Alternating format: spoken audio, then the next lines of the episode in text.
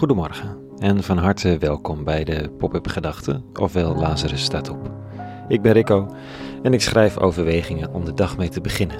Op de werkdagen althans. En als ik me niet verslaap, wat zo af en toe ook gebeurt. En het begint altijd met een titel. Vandaag. Met wie wil je me vergelijken dan? Pop-up Gedachten woensdag 9 december 2020.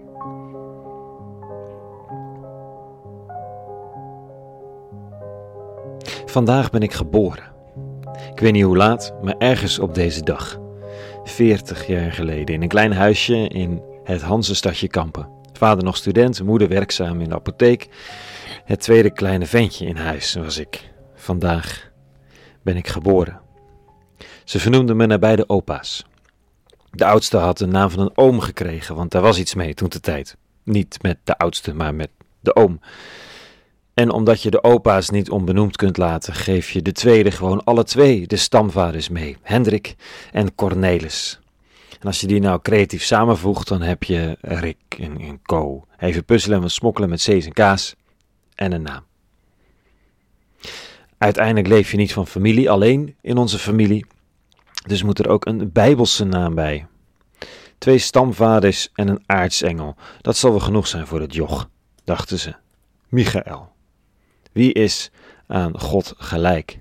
Is een retorische vraag verborgen in die naam. Mocht u het ooit hoog zijn bol krijgen, dan hoeft u maar naar zijn naam te kijken om te weten dat er grenzen zijn. Ochtends krijg ik altijd drie teksten om uit te kiezen.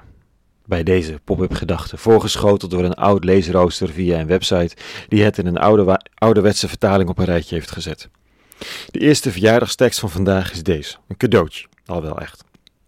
Deze. Komt allen tot mij die uitgeput zijt en onder lasten gebukt. En ik zal u rust en verlichting schenken. Mijn juk is zacht en mijn last is licht. Of die tekst nu voor mezelf is of om uit te delen als een soort virtuele taart. Wilt u deze tekst met of zonder slagroom, koffie erbij, thee? Of dat hij is om uit te pakken en bij de cadeaus uit te stallen? Het is een dankbaar geschenk. Maar we zijn er nog niet, het leesrooster doet er nog even een schepje bovenop met een andere lezing. Toeval? Natuurlijk. Zuiver toeval. Dit staat er. Met wie wilt u mij vergelijken, zegt de heilige.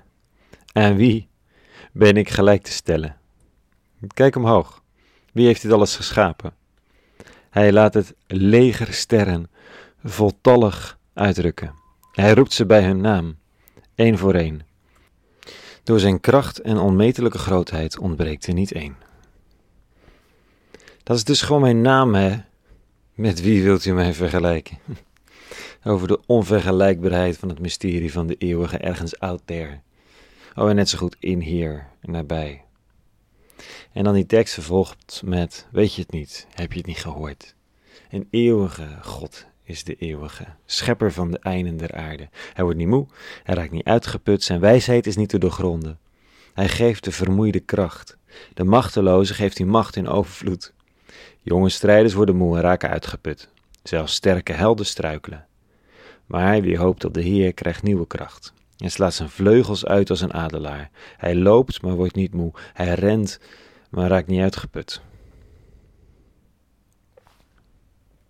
Nou, vandaag ben ik ruim voorzien.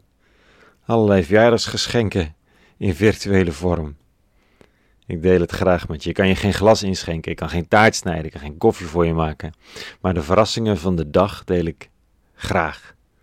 Opdat de te zware jukken van schouders mogen glijden. De energie vernieuwd raakt. Het besef doordringt dat iedereen onderdoor gaat aan de hardheid van dat wat het leven kan bieden. Maar dat dat niet het einde is maar de mogelijkheid om een andere bron te ontdekken die vleugels geeft. Niet om lafjes rond te zweven in vaagheid, maar om de vleugels weer eens te kunnen uitslaan. En te zien waar je staat in die onmetelijke wereld, omgeven door een oneindige goddelijkheid, die je ziet. Nou, tot zover de verjaarspop-up gedachten van vanochtend. Een hele goede woensdag gewenst en vrede. En alle goeds.